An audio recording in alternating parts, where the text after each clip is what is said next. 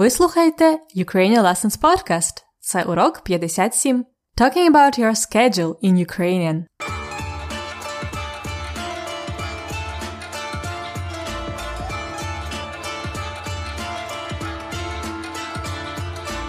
Добрий день, це Анна, вчителька української. Ви слухаєте подкаст Ukrainian Lessons або Уроки української. Цей подкаст створено для всіх, хто вивчає і любить українську мову. Ви любите українську мову? Мені здається, українська мова дуже гарна. Ми часто кажемо, що українська мова милозвучна, тобто вона звучить мило, гарно, чудово. Наприклад, в українській мові є прийменники у і в. Вони однакові, вони означають те саме. Ви можете сказати у Києві або в Києві, але ми використовуємо те слово, яке буде краще звучати. Наприклад, краще звучить в Україні, але у Львові. Так, ми, українці, любимо свою мову і хочемо, щоб вона була гарна. Сьогодні на уроці ми будемо говорити про розклад на тиждень, а також більше про у, в і знахідний відмінок. Пам'ятаєте знахідний відмінок? Це просто я люблю українську мову. Я люблю Київ. Я люблю Львів. Я люблю Україну. Це знахідний відмінок. Але спочатку я зроблю вступ ще англійською. So let me explain briefly what I was talking about англійською in English. I said that Ukrainian language sounds good. That's why we call it милозвучна, melodic, euphonious. For example, in Ukrainian we use both prepositions u and v in the same meaning, but just depending on their position between other words. We automatically might make it sound better у Львові, but в Україні. I said we Ukrainians love our language, and that is why we wanted to звучати гарно, sound beautifully. Today we will talk more about у, в, as well as about the schedule for the week, розклад на тиждень, and more about the accusative case, the я люблю Україну kind of case. То ви готові починати? To begin with, let's quickly review the days of the week in Ukrainian. We have learned them in the episode 15. If you'd like to listen to it again, you can do that. But let's do it like this. Який перший день тижня? Перший first. Який перший день тижня? Понеділок. Другий день тижня? Вівторок. Третій день тижня? Середа. Номер 4. Четвер. Номер 5. П'ятниця. Номер 6. Субота. І останній сьомий день тижня. Неділя. Повторіть. Понеділок. Вівторок. Середа. Четвер. П'ятниця. Субота. Неділя. А тепер спробуйте самі. Try to list all of them on your own now.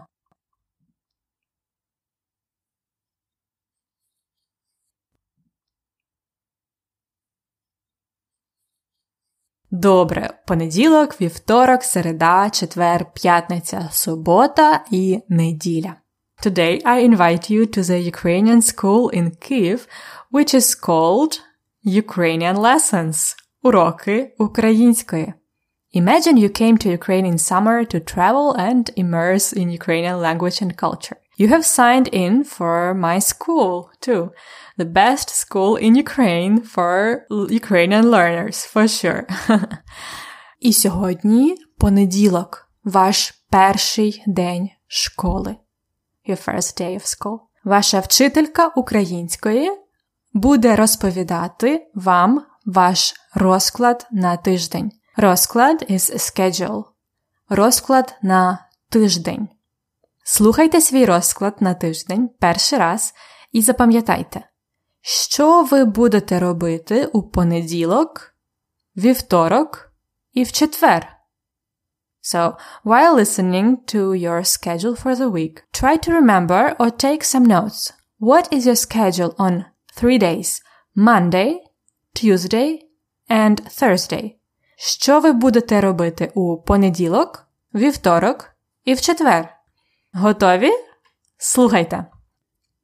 Ласкаво просимо до школи уроки української. Хочу розповісти вам нашу програму на перший тиждень. Сьогодні понеділок. Сьогодні на уроці ми будемо знайомитись і розмовляти про ваші країни.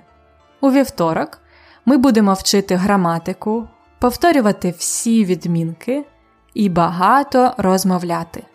У середу ви будете вчитися писати електронні листи українською. Ви напишете лист мені або своїм друзям. У четвер ми будемо слухати українську музику. Ми будемо співати різні пісні і вивчати нові слова. У п'ятницю ми будемо дивитись документальний фільм про революцію, про Євромайдан. На вихідних будемо розважатися. У суботу підемо в театр на виставу Наталка Полтавка. А ввечері будемо гуляти на Хрещатику. І, можливо, якщо ви захочете, підемо в бар. У неділю вранці підемо на ринок купувати свіжі овочі та фрукти. Бо потім на обід ми будемо готувати разом гречану кашу і тушковану капусту. Це весь наш розклад на тиждень. Сподіваюсь, вам сподобається. То що ви будете робити у понеділок? Try to answer using я буду. Що ви будете робити у понеділок?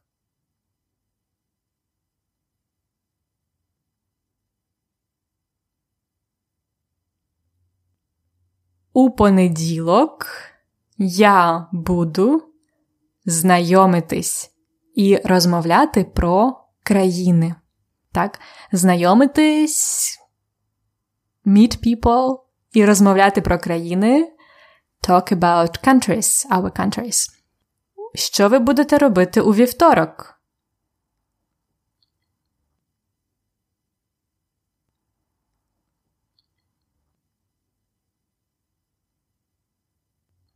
У вівторок я буду вчити граматику, повторювати всі відмінки і багато розмовляти. Так? Вчити граматику, граматика, grammar, повторювати всі відмінки, повторювати review all the cases і багато розмовляти. Talk a lot. А що ви будете робити у четвер?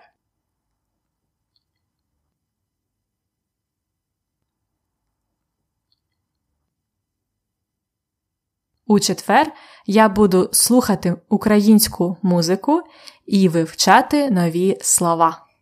Чудово.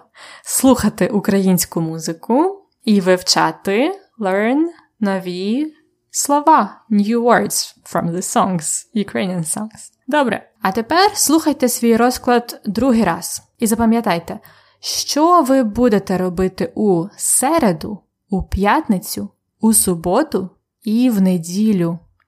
Now, when you will be listening for the second time, try to remember or take some notes. What is your schedule for Wednesday, Friday, Saturday and Sunday? Що ви будете робити у середу, у п'ятницю, у суботу і в неділю? Ласкаво просимо до школи уроки української. Хочу розповісти вам нашу програму на перший тиждень. Сьогодні понеділок. Сьогодні на уроці ми будемо знайомитись і розмовляти про ваші країни. У вівторок ми будемо вчити граматику, повторювати всі відмінки і багато розмовляти. У середу ви будете вчитися писати електронні листи українською. Ви напишете лист мені або своїм друзям. У четвер ми будемо слухати українську музику. Ми будемо співати різні пісні і вивчати нові слова. У п'ятницю ми будемо дивитись документальний фільм про революцію, про Євромайдан. На вихідних будемо розважатися. У суботу підемо в театр на виставу Наталка Полтавка. А ввечері будемо гуляти на хрещатику.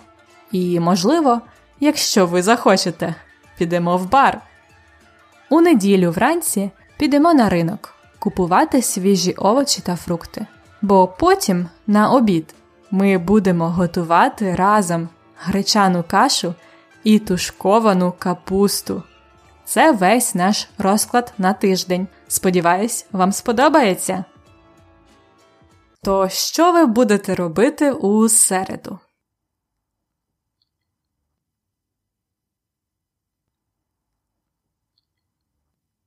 У середу я буду писати електронний лист українською. Електронний лист is an electronic letter або email, так. Що ви будете робити у п'ятницю?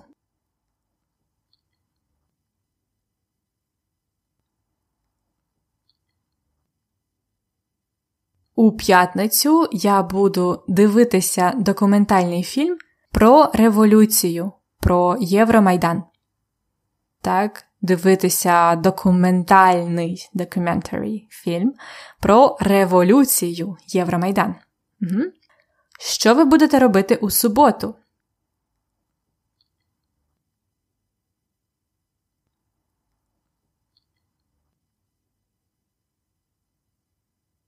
У суботу я буду йти в театр на виставу Наталка Полтавка.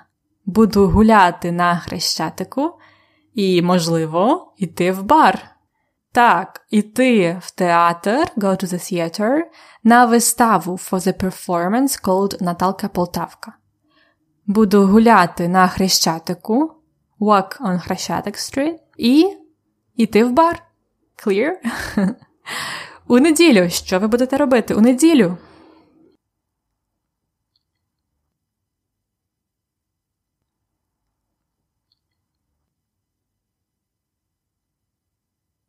У неділю я буду купувати овочі та фрукти на ринку і готувати обід, гречану кашу і тушковану капусту. Мм, Купувати овочі та фрукти на ринку at the market. І готувати обід cook lunch. Добре. Did you notice how we used the days of the week talking about розклад, the schedule? We used the prepositions у, в, which you can interchange as you want. And we said у понеділок, у вівторок, у четвер, але у середу, у п'ятницю, у суботу, у неділю. So which case is that? Звичайно, знахідний відмінок. Accusative, which uh, with abstract names and objects changes only in the feminine to the ending u. That's why we we have the same понеділок у понеділок, but субота у суботу, п'ятниця у п'ятницю. Запам'ятали? Last time we've learned how to form all different kinds of nouns and adjectives in the accusative.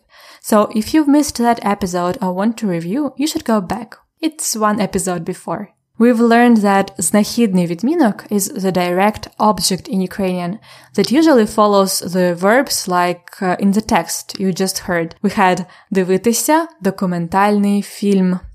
Фільм документальний are accusative, but they don't change as uh, they are masculine. Слухати українську музику. Here we have feminine українську музику, so it changes. Вшити граматику. Feminine. Співати різні пісні. Plural – різні пісні. Today we also saw that знахідний відмінок can be used with the prepositions у і в. But pay attention, except when we talk about the location. When we talk about the location using the prepositions у, в, it's of course, obviously, locative, location. У Києві, в Америці, ending і, locative. But we use у, в plus accusative with days of the week and also when we are talking about the destination. Like ми підемо в бар. В бар, bar is after в, it is a destination and it's accusative. Ми поїдемо в Україну. The same. It's still not the location, but movement towards. It's the destination. That's why we use accusative. In the same way, we could use accusative with the preposition на. Listen. У суботу підемо в театр. На виставу Наталка Полтавка. So we have here в театр, на виставу.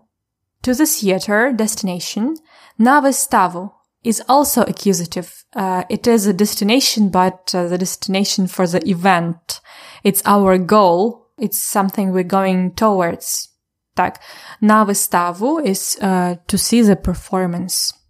Uh, so we use uh, u, v, na with a destination with accusative, but also we use a preposition na with accusative when we're talking about for in English, like розклад на тиждень schedule for the week. Розклад на тиждень. Listen to our Sunday plan again. У неділю вранці підемо на ринок Купувати свіжі овочі та фрукти. Бо потім на обід ми будемо готувати разом гречану кашу і тушковану капусту. Ми підемо на ринок. Our destination. Так? And then на обід ми будемо готувати разом гречану кашу і тушковану капусту. На обід is also accusative. It is for lunch. For lunch we will cook buckwheat and cabbage stew. Мм, ням-ням. Добре. То ми використовуємо знахідний відмінок після прийменників у, в, на. Знаєте ще один прийменник? Do you know any other prepositions with accusative?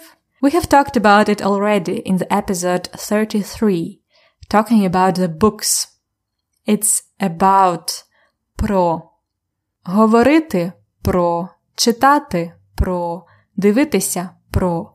About in not in the meaning of time, like uh, about five o'clock. No, in this case, we don't use про, but we use про when we're talking about говорити про писати про книга, про фільм, про. Listen to this part again.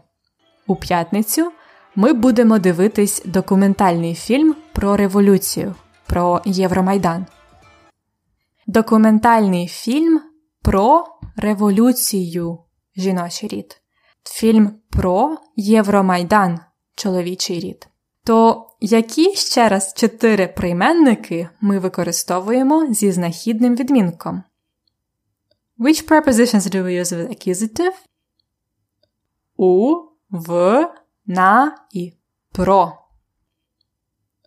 Chudovo. In the lesson notes of this week, you will find the table with uh, using accusative with prepositions. And also, I have put uh, you the full text transcript with all the words in accusative case underlined for your convenience.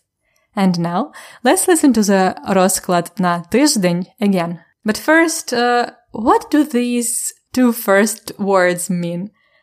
Ласкаво просимо. Ласкаво просимо означає welcome. Ласкаво просимо до школи української мови. Welcome to the Ukrainian Language School. Добре? Слухайте ваш розклад ще раз. Ласкаво просимо до школи уроки української. Хочу розповісти вам нашу програму на перший тиждень. Сьогодні понеділок. Сьогодні на уроці ми будемо знайомитись і розмовляти про ваші країни. У вівторок ми будемо вчити граматику, повторювати всі відмінки і багато розмовляти. У середу ви будете вчитися писати електронні листи українською. Ви напишете лист мені або своїм друзям. У четвер ми будемо слухати українську музику. Ми будемо співати різні пісні і вивчати нові слова. У п'ятницю ми будемо дивитись документальний фільм про революцію, про Євромайдан. На вихідних будемо розважатися. У суботу підемо в театр на виставу Наталка Полтавка. А ввечері будемо гуляти на хрещатику. І, можливо, якщо ви захочете, підемо в бар. У неділю вранці підемо на ринок купувати свіжі овочі та фрукти. Бо потім на обід ми будемо готувати разом гречану кашу і тушковану капусту. Це весь наш розклад на тиждень. Сподіваюсь, вам сподобається.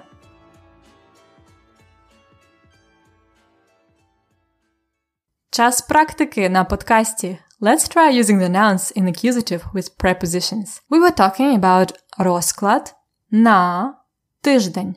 Schedule for the week. Now, try to put together розклад і середа. It will be розклад на середу. Schedule for Wednesday. Mm-hmm. What about розклад і рік? Розклад на рік. Рік year is masculine, we don't change it. Добре. We used a lot uh, the phrase ми підемо. We will go. Ми підемо в театр. What about університет? Ми підемо в університет. What about школа? Ми підемо в школу feminine. What about концерт? Ми підемо на концерт. We use на because we prefer preposition на when we're talking about events, not places. So that's why it's в школу, в університет, uh, but на концерт. Still accusative in all cases. What about виставка? Exhibition. Виставка. Ми підемо на виставку. На виставку. It's uh, again the event, not the place. Now uh, we talked about фільм про революцію. What about фільм і кохання? Love. Фільм про кохання. Remember, кохання is neuter. Neuter doesn't change. Фільм про кохання. What about фільм і письменник? Writer. Письменник. Фільм про письменника. Here we change письменника because this is a person and as a person accusative changes to a. What about фільм і письменниця? Female writer. Фільм про письменницю. У. As always, you can get more practice of using the accusative in written doing the bonus exercise in the lesson notes of today's episode.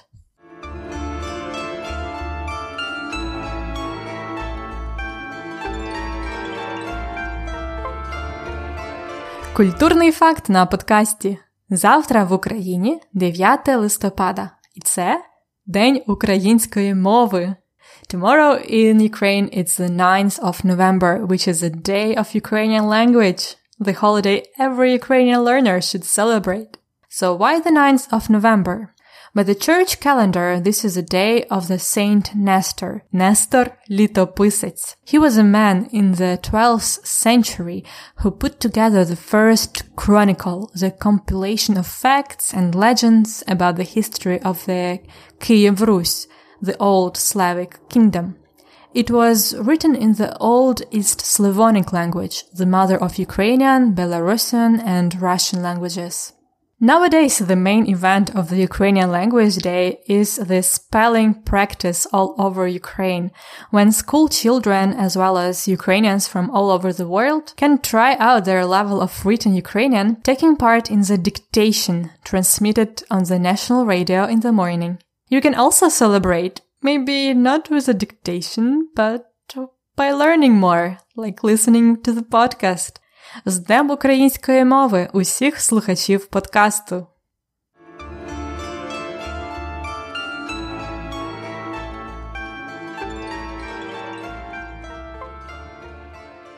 І це все на сьогодні. I hope you enjoyed the episode and learned something more.